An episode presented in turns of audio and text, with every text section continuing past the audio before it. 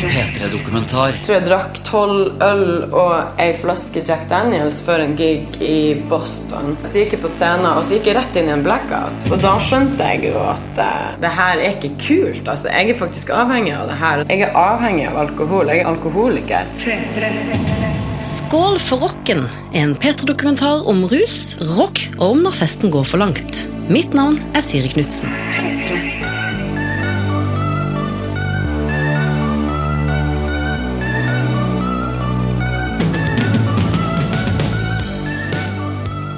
Det verste var at når jeg våkna på morgenen, da, så var jeg liksom jævlig usikker på hvor jeg var. og sånn. Og så vanlige glattceller, har jeg hørt, er det, er det i hvert fall en sånn tynn madrass. eller noe sånt. Det var ingenting der. sånn. Jeg lå rett på sånn der plastplate. Det var helt sinnssykt kaldt og jævlig. Dette er Knut Oskar Nymo, som er bassist i Oslo S.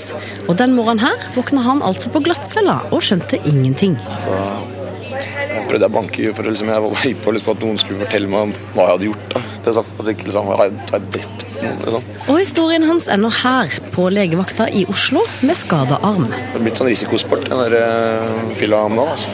Men før du får vite hvordan Knut Oskar endte opp her, så skal du få bli med han og resten av Oslo S på turné.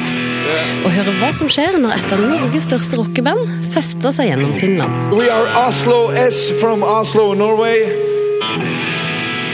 Du skal få vite mer om sammenhengen mellom rock og rus, og Ida Maria forteller om hva som skjer når det blir så mye rus at du ikke lenger klarer å lage rock, og i stedet ender på rehab. Dette kan ikke gå godt. Oh. Men det hele starter på et slitent og nedtegga backstage-rom i en kjeller i Helsinki i midten av januar, hvor Oslo S forbereder seg til konsert med å drikke øl og øve inn finske gloser. Og så har, de, har de den der, ikke sant? Men det er jo det. Ja. Vet du hva det betyr? da? Takk. Skål og pupper, Helsinki. Kitos. Kippis jatisit Helsinki. Oslo S har etter hvert blitt veldig vant til sånne backstage-rom. I fjor spilte de nemlig 215 konserter, og nå er de altså i Helsinki, som er første stopp på deres finlandsturné. Og jeg blir litt overraska over at Knut Oskar står med en øl i hånda. For i forkant så hadde jeg nemlig fått vite at han egentlig hadde planlagt å holde seg edru gjennom hele turneen. Planen var å ha hvit måned. Hele måneden. Ikke noe øl, ikke noe bønner, ikke noe Det skulle liksom være helt streit måte. Men så Jeg ser først nå, etter et par pils, hvor teit det er. Det er litt som å dra liksom, til, liksom, til Hellas med guttegjengen, og så plutselig sier et du drar «Nei, faen gutta, jeg jeg skal gjøre edru hele uka. Ja, det, er, det er ikke Dårlig gjort. ja, hvor, dårlig, ja, hvor dårlig gjort det er overfor gutta. Det var teit i dag tidlig og sånt. Det var var litt sånn der, tidlig, ja? jeg, holdt på å havne på glattcella på, på båten over. Ja, det, det, det skulle selvfølgelig jeg vært med. Jeg- Ja, ja. Om ikke annet så skulle du i hvert fall ha ledd av det når du våkna opp i dag. Det var liksom sånn her, jeg bare, også, når, Hva skjedde? Hvordan har jeg kommet meg i sengen? Liksom? Hva har skjedd her nå? Og hvorfor har jeg vondt i nesa? Liksom. Nei, du fikk banka Einar. Og liksom holdt på å bli satt i arresten på båten. Fordi det var et eller annet greie med noen pokerchips eller noe sånt. Noe som du vanligvis ville ledd, ledd deg fillet av. Og så var det liksom det eneste jeg fikk høre av deg på morgenen var liksom ja, nei, det var jævla leve når du kom og lærte deg Det er ikke sånn det skal være. Det er ikke, skal ikke være sånn på banter. Så jeg, jeg setter veldig pris på at du tar deg en øl nå. Det passer altså dårlig å være edru og sur på bandtur. Spesielt når du spiller i Oslo S, som som du kanskje skjønner er et band hvor glattcellerisikoen er relativt høy. Og derfor har altså Knut Oskar nå innsett at det er bedre å bare bli med på festen. Vi eh, syns det er jævlig morsomt å være ute og reise og ute og spille. Og vi har det jævlig morsomt sammen og liker å feste og kose oss og ha det gøy. Og det her er jo arbeidsplassen vår på en måte. Og det er jo, vi er jo glade for at vi kan Det er eneste jobben som vet at man kan drikke på jobben. på en måte Det, det viktigste er den derre Hvis noen er hypp på å kjøpe en øl til deg, eller gir deg en øl, så tar hun. på en måte Takk. De, de, de, ja, 'takk skal du ha', liksom. Og det, her står det kjøleskap fullt med øl. Og det her minner jo om en livsstil som har fulgt med rocken helt ifra starten. Da vi hadde folk som Keith Richards fra Rolling Stones og Lemmy fra Motorhead, som tok mer dop og drakk mer sprit enn noen andre, og var med på å skape myten om sex, drugs and rock'n'roll. Nå for tida kan det virke som om den nye rockegenerasjonen er hakket streitere og bruker mer tid på helsestudio og helsekost. Men Oslo S syns at ekte rock'n'roll skal være litt sånn som i gamle dager. Vi er litt av den gammeldagse bandtypen. Vi er ikke sånn salatband, egentlig. Vi er litt eh, old school. når vi turnerer. Hva innebærer det for deg? Så rock er jo øl, og øl er rock, på en måte. Og Jack Daniels er på en måte rock, og, det, og da er det en del myter. Og det er livsviktig for alle rockemusikere som spiller i band, å opprettholde den, på en måte, den myten. er jævlig viktig. Og det vet Ida Maria alt om. For etter at hun vant Urørt-finalen i 2006, og etter hvert fikk suksess også i utlandet, så gjorde hun sitt for å virkelig leve opp til rockestjernemyten. Altså, Jeg var jo bare så fornøyd med at jeg, endelig, at jeg hadde funnet en jobb hvor jeg kunne eh, drikke så mye jeg ville. Ikke sant? Og det attpåtil var gratis, og det var oppmuntra, og du kunne til og med gjøre jobben når du var på fylla. ikke sant? Alkoholen er jo liksom Den er jo så anvendelig. Du kan jo bruke den til alt mulig rart. Altså. For eksempel da, så har jo jeg selvfølgelig um, sceneskrekk, ikke sant?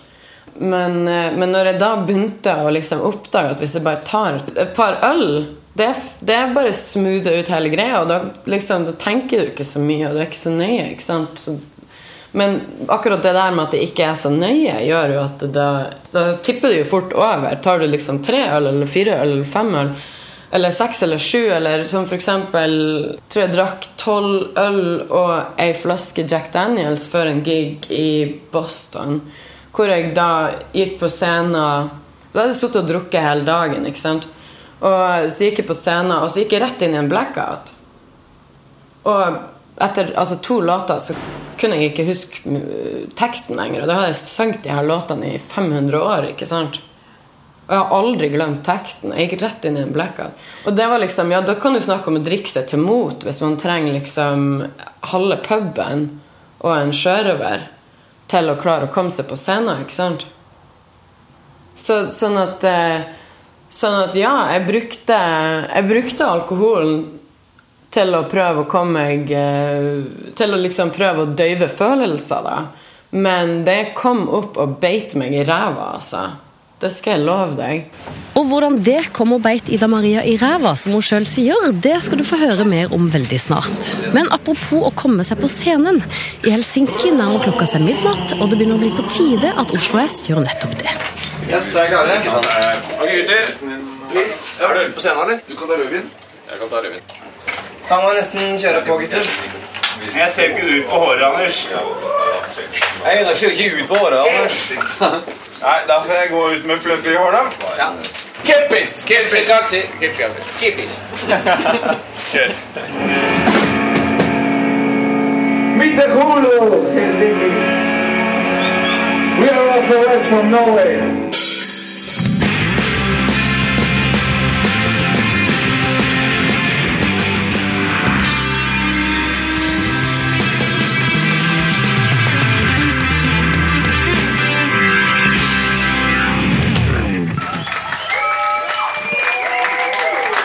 Do you say it's school?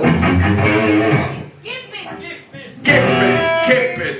We, we, took, we took the boat from Stockholm. They tried to put us in the, I don't know, the arrest, boat arrest or whatever. We're here now, so. Let's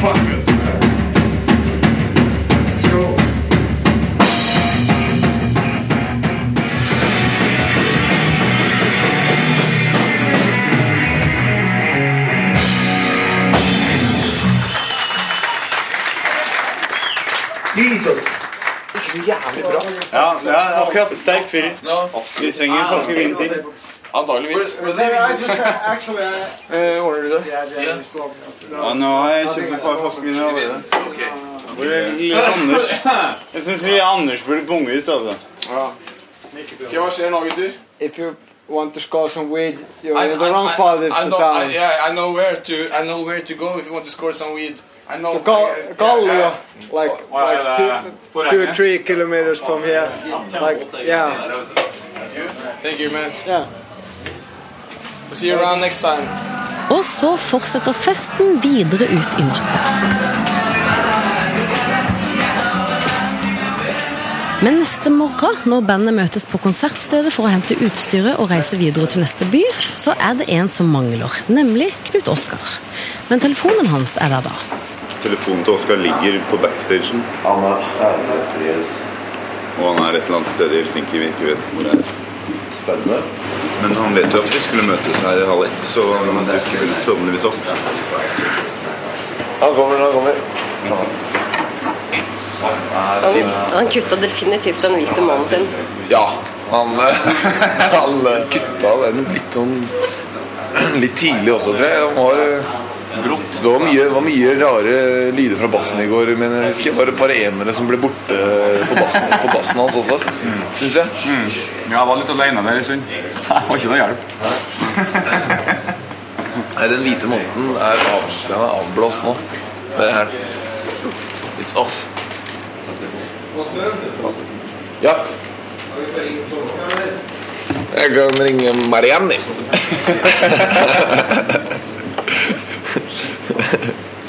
Marianne. It's Osman. Yes, we are in the we are all sitting in the van. The engine is running and we are only waiting for Oskari. Yes. Yes. Great. And uh, and uh, can I can I talk to Oscar? All right. Vi talas. Ja. Bye. Fikk du ikke lov å snakke Hun skjønte ikke hva jeg sa. Vi tar en øl mens vi venter. Venter. Ja, ja, ja. Se der, ja. Finally. We tried to be faster, but uh, we couldn't. Yeah. Folkens, da må vi stikke nå. Det lurer jeg litt på om vi må. Med alle bandmedlemmer på plass presser vi oss inn i den gamle gule bandbilen, får smelte igjen bildøra som holder på å ramle av, og setter kursen mot neste turnéstopp. Jeg syns ikke vi skal dra fra Helsinki uten å skaffe weed. Helt seriøst. Nå er jo hvite mamma Jeg Tydeligvis Det- det- det- Det er godt å være på vei igjen. Ja, det er moro å være på vei igjen. Vi må komme oss eh, videre nå.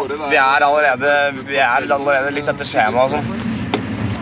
Er det flere pilser? Bare få meg pils i sekken. Og uansett om det er for å gjøre kjøreturen mindre kjedelig, eller for å kurere bakrus, så er det jo som Ida Maria sier. Alkoholen er jo liksom Den er jo så anvendelig. Du kan jo bruke den til alt mulig rart. altså. Og det vet Ottar Bjerkeseth mye om. Han jobber nemlig som lege og psykiater, og har starta opp et forskningsprosjekt som handler om helsa til norske musikere. Og han mener at det er ganske naturlig at en del artister drikker på jobb. Det som er mer spesifikt, er at kanskje at artistene trenger å kanskje egentlig gire seg opp mot en, en viktig prestasjon med såkalt selvmedisinering. Sånn at man har begynt å drikke for å få opp stemningen. Og det, det gjør man jo på kort sikt, i hvert fall med alkohol. Eh, Det kan være å også kunne ta seg ned etterpå. Så det er jo en veldig sånn ego-boost, en tripp selvfølgelig, hvis du, hvis du står og har eh, oppmerksomheten fra så mange mennesker. Sånn, det, er vanskelig å gå og legge seg. Ja, og mange bruker jo rusmidler eller tabletter antageligvis for å, for å, å koble av og komme ned igjen etter et sånt rush.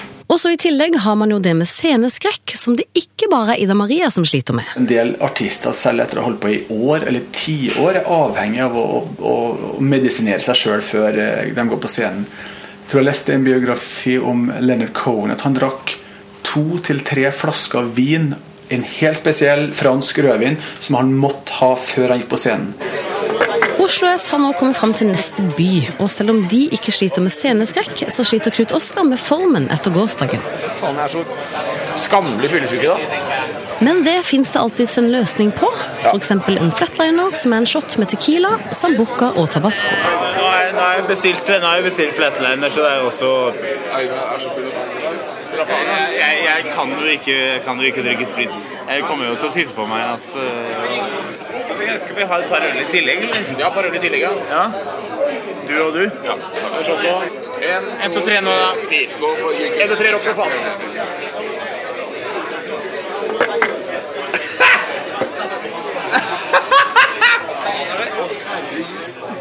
Hva er det verste jeg har smakt? Kjøp en til. Jeg må skylde litt på Jeg må venne meg til. Ja, det var min. Det min.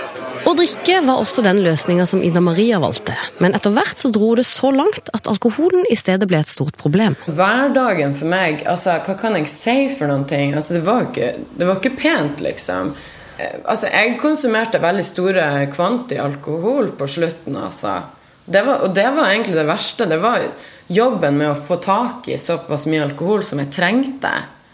Fordi at når du er såpass svak at beina ikke ordentlig funker, og du er livredd for å gå ut av døra for at du har angst og depresjon og, og er redd hele tida Og det her er alt basert i altså alkoholen. Og du skal prøve å få tak i mer alkohol. ikke sant? Det i seg sjøl representerer eh, et problem. Sånn at, sånn at, for meg så var det veldig mye Livet mitt kretsa veldig mye rundt det å få tak i alkohol. Og så kjempa jeg veldig med om jeg var en alkoholiker eller ikke. Jeg var, jeg var, så ung. ikke sant? Jeg er så ung, jeg er 28. Jeg er sånn, ja, men jeg kan jo umulig være en alkoholiker i denne alderen, liksom. Og jeg hadde sånn oppfatning ja, men hvis jeg drikker i sosialt lag, så er jeg vel ikke alkoholiker. ikke sant? Så jeg var veldig opptatt av å være blant folk når jeg drakk, noe som fikk kuriøse eh, resultater. ikke sant? Fordi at jeg er, jeg er drita full konstant. ikke sant? Og det, det har ikke jeg noe problemer med å, å, si høyt at musikken fikk eh, ta baksetet for, for alkoholen, altså. Fordi at det var det som var mest interessant. Jeg syns den flatlineren virkelig gjorde, gjorde susen. Og også i Finland kan det virke litt som om alkoholen er mer interessant enn musikken akkurat nå. For det begynner å nærme seg konserttid, men Oslo S sitter fortsatt på nabopuben. Anders, Anders ringte nå. Det er 20 eh, minutter til konsertstand. Ja, Men det er to mennesker her, så det er ikke så viktig. Ti minutter, Det går ta to minutter å gå opp dit. Ja. gå og ta på seg bassen og gitaren og spille det. Ja. Skal jeg ringe Anders og, og si at vi kommer om et kvarter? Bare send melding. Slapp av, Ikke stress. Men til slutt drar de bort på konsertstedet, uten de helt store forventningene til kvelden, og uten å vite helt hvor i Finland de er. Hvis det kommer ti stykker, så er det kjempebra. Det er liksom ikke lov å forvente så mye når man ikke har hørt om byen før engang. Jeg husker ikke, det er et eller annet væskegreier. Ille Veskele. Ja. I Veskele. Hva? What, what town are we in now? I Veskele. I Veskele, ja. Du går på. Anders, kan du blande bil nå? Nei, vet du, skal vi spiller? Er det drinker på scenen, Anders? Er det nye nå?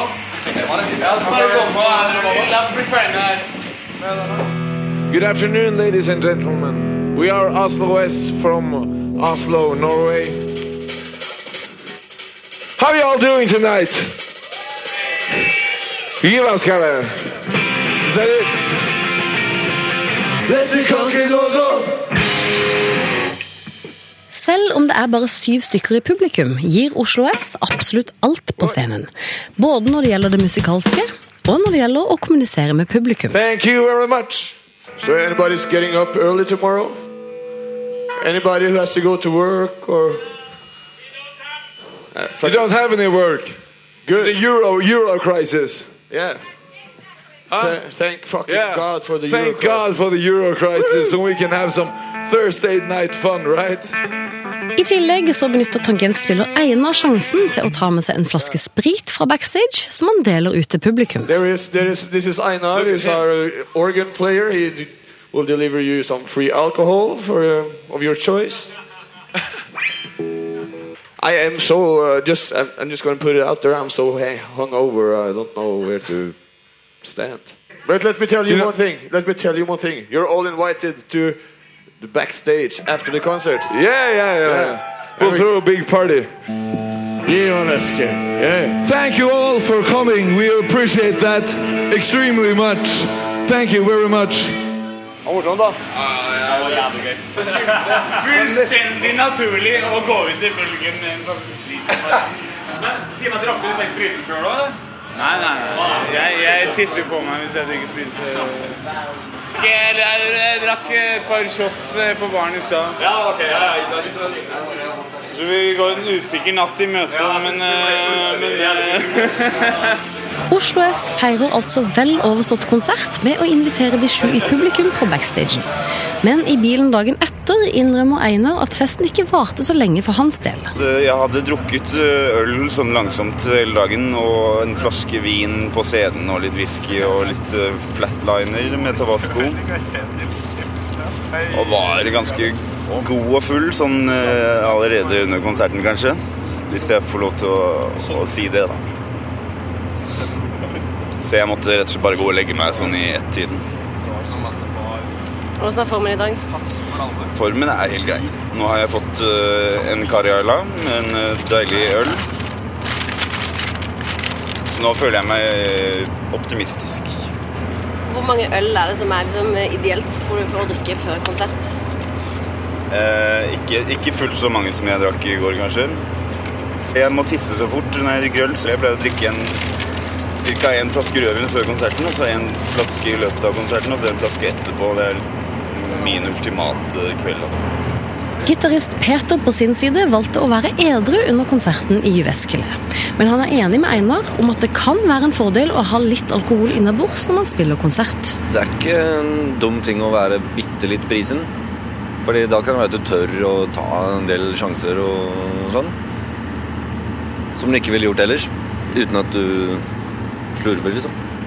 Med litt alkohol i blodet tør man altså kanskje å ta noen flere musikalske sjanser. Men blir man mer kreativ med rus? Ja, vet du, Jeg har lest veldig mye forskning på det der med alkohol og kreativitet. Og, og de undersøkelsene viser at én til to eh, glass med vin eller øl kan være eh, stimulerende for kreativiteten. Eh, fordi at du er mindre sjølkritisk. Eh, du har mindre hemninger. ikke sant? Du har mindre sånn her Nei, men det, det går ikke an, eller det kan man ikke gjøre, eller ikke sant? Hvis du tenker parallell mot idretten, altså doping, så finnes det jo igjen sånn stimulerende midler som kanskje gjør at man blir mer kreativ. Selvfølgelig, altså Kreativitet er jo en forutsetning for en kunstner, en artist. og og Vi vet jo at det er en sammenheng mellom eksempel, ikke bare rusen, men altså de, de affektsvingningene som det gir. altså Man blir oppstemt, så blir man kreativ. Eller også når man er nedstemt, f.eks. mer deprimert, så gir det en annen form for Da får kunsten et annet uttrykk, for å si det sånn. Men, men stemningssvingninger er veldig viktige og nødvendige for en del for å, for å skape god kunst, da, rett og slett. Man trenger selvfølgelig ikke å ruse seg for å være kreativ, men spørsmålet er om musikken blir streitere hvis musikerne blir streitere. For Oslo S er det i hvert fall ingen tvil. For å lage rock'n'roll må du leve rock'n'roll. Jeg tror, det er, jeg tror det er veldig viktig. Jeg tror det er veldig viktig for at det, Hvis vi har perioder hvor vi, hvor vi prøver å ta det litt rolig og, og liksom eh, catche opp litt med kroppen vår og sånt Så det er ofte Det er ikke de mest kreative periodene, tror jeg. Det er ikke helt. Du, du skriver ikke de beste låtene dine på, på, på vei hjem fra Sats, liksom. Du skriver dem når du har vært på en to ukers turné og øh, lurer på om du greier å stå på beina. Det er da, det er, det er, det, det er da all den rock'n'rollen som du hører fra 70-tallet og, og så det er sånn den rocken er lagd. Og det er sånn vår rock blir lagd. Du må liksom ut og lage historiene du skal skrive ned. på en måte Nå kommer det masse dverger. Og Oslo S kommer sannsynligvis hjem med bedre turnéhistorier enn de aller fleste. For det skjer ofte uventa ting når denne gjengen er på tur. Det er to dverger i Tampere i Finland. Backstage. Som har med lystgass på en liten sånn der kre- kremtopp-tube-greie. We need to take some bigger hits. This is also called hippie crack. Yeah, hippie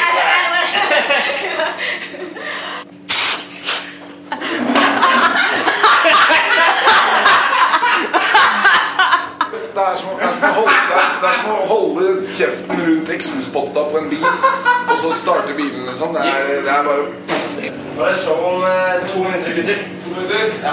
Hvor mange er det der ute å få med dette på radioen? Cirka, eller? Cirka ti. Å, fy faen! Har vi noe rødvin her da, Anders? Hæ? Er det ikke rødvin her? Men da er det seriøst eh, 16 over, så da må vi kjøre. How are you all doing here in Tampere tonight? Yeah, we are Oslo S from Oslo, Norway, and it's a pleasure to be here at this lovely venue in Tampere. This first song is called Kakelakere.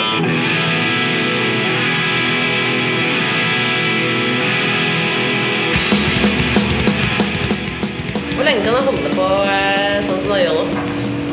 Det spørs jo når Lemmy dør. Altså, det, er, det er fasiten, er det ikke det? Nei, hvor gammel er han nå? 67. 67. I hvert fall 67. Pensjon, pensjonsalder. Kan du i hvert fall kjøre litt på. Eventuelt da til så lenge folk gidder å komme på kjøpet. Liksom. Det er jo en sånn enormt befriende opplevelse på en måte. Man har liksom lov til å gjøre hva man vil, og ingen kommer til å stille spørsmålstegn. Og man drar fra fest til fest til fest. ikke sant? Sånn at det er klart at det er morsomt når det står på, og, og så lenge det ikke har kryssa over og blitt negativt. Men blir faktisk dessverre negativt for mange. Altså. Ikke for alle. Noen kan fortsette å drikke og ha det, ha det, bra. liksom. Det er en genetisk disposisjon. Og sånn er det jo med rus. Noen takler det, og noen takler det ikke. Og for Ida Maria så sa det altså stopp. Og øyeblikket da hun virkelig innså at hun hadde problemer, var da hun dro på besøk til en venn som var tidligere rusmisbruker. Og så hadde jeg bestemt meg for at jeg skulle ikke drikke når jeg var der hos han, fordi han er jo edru. Så jeg skal ikke drive og liksom ta med noe vin eller noe sånt, liksom. Eh, så jeg kom dit til han, og jeg gikk rett inn i en sånn her eh, nærmest sånn epileptisk eh, En fitt, liksom. Fordi at jeg hadde alkoholabstinenser, ikke sant. Og jeg trengte alkohol. Og det var jo så skam, skamfullt for meg, ikke sant. Han kjenner jo sykdommen, så han tok meg med til liquor store, ikke sant. Og råkjørte dit så jeg kunne få meg en flaske med vin. Og det og, liksom, og befalte meg til å drikke, ikke sant. Og da skjønte jeg jo at uh, det her er ikke kult. Altså, jeg er faktisk avhengig av det her. Jeg er, jeg er avhengig av alkohol. Jeg er av alkoholiker. Og han og hans kone da, de driver noen ting her i, i, Los Angeles som heter Music Cares. De hadde sagt til meg at uh, hvis du trenger å, å fære på rehabilitering, så må du bare si fra. Vi, vi, vi kan hjelpe deg, liksom. Det var, det var, rett og slett den beste opplevelsen jeg hadde i mitt liv. Altså. For det, da fikk jeg endelig hjelp. altså. Ida Maria tilbrakte sju måneder på avrusning og har vært edru siden. Og det er tydelig at det har vært bra for henne. Alle de tingene som jeg brukte alkohol for å oppnå, dem har jeg oppnådd nå når jeg har vært edru. Jeg, jeg ser på det som et mirakel. Så jeg er kjempefornøyd. Jeg er veldig takknemlig. Altså. Og det er derfor jeg tror jeg det er så viktig det her for meg med, med å prøve å få til å bygge opp Rockhart. For jeg hadde aldri vært her hadde ikke vært for Music Cares. Jeg hadde aldri vært her hadde ikke vært for deg. Rockheart er en organisasjon som Ida Maria nå har starta for å prøve å hjelpe andre som er i samme situasjon som hun var i. Jeg har ikke noe interesse av å liksom sånn her, eh, prøve å propagandere for at folk skal slutte å drikke generelt. Jeg sier dette er kun en løsning for de som har fått nok, rett og slett og ønsker helt av egen vilje å gjøre noe med det. Det er en veldig sånn terskel. Så jeg håper jo at Rockhart kan være med å gjøre den terskelen lavere. Og eh, på andre sida liksom være i stand til å kunne hjelpe folk til å, å, leve et godt liv, rett og slett. Og kunne fortsette med den, den, eh, den musikken som de, de, er glad i, ikke sant.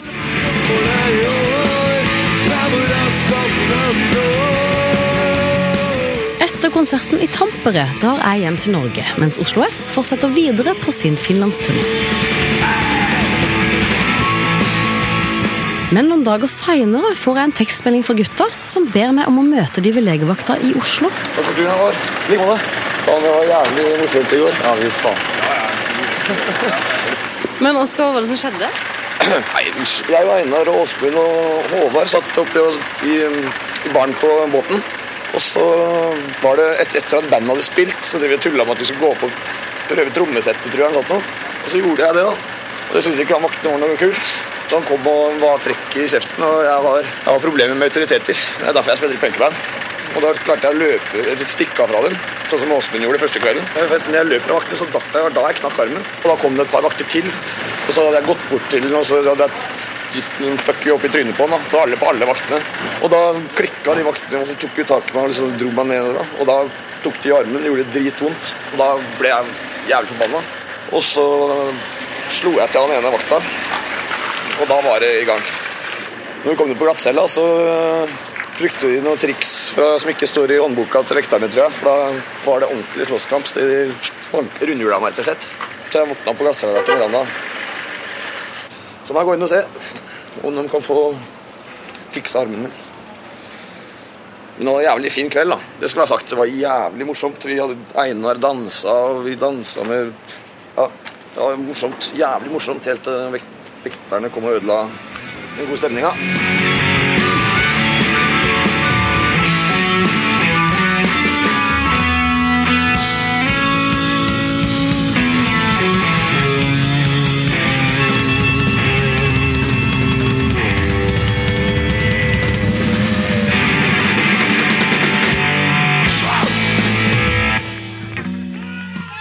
Thank you so much. I'll see you in the bar.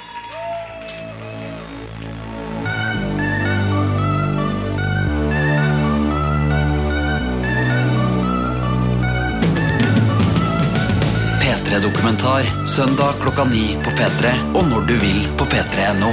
P3.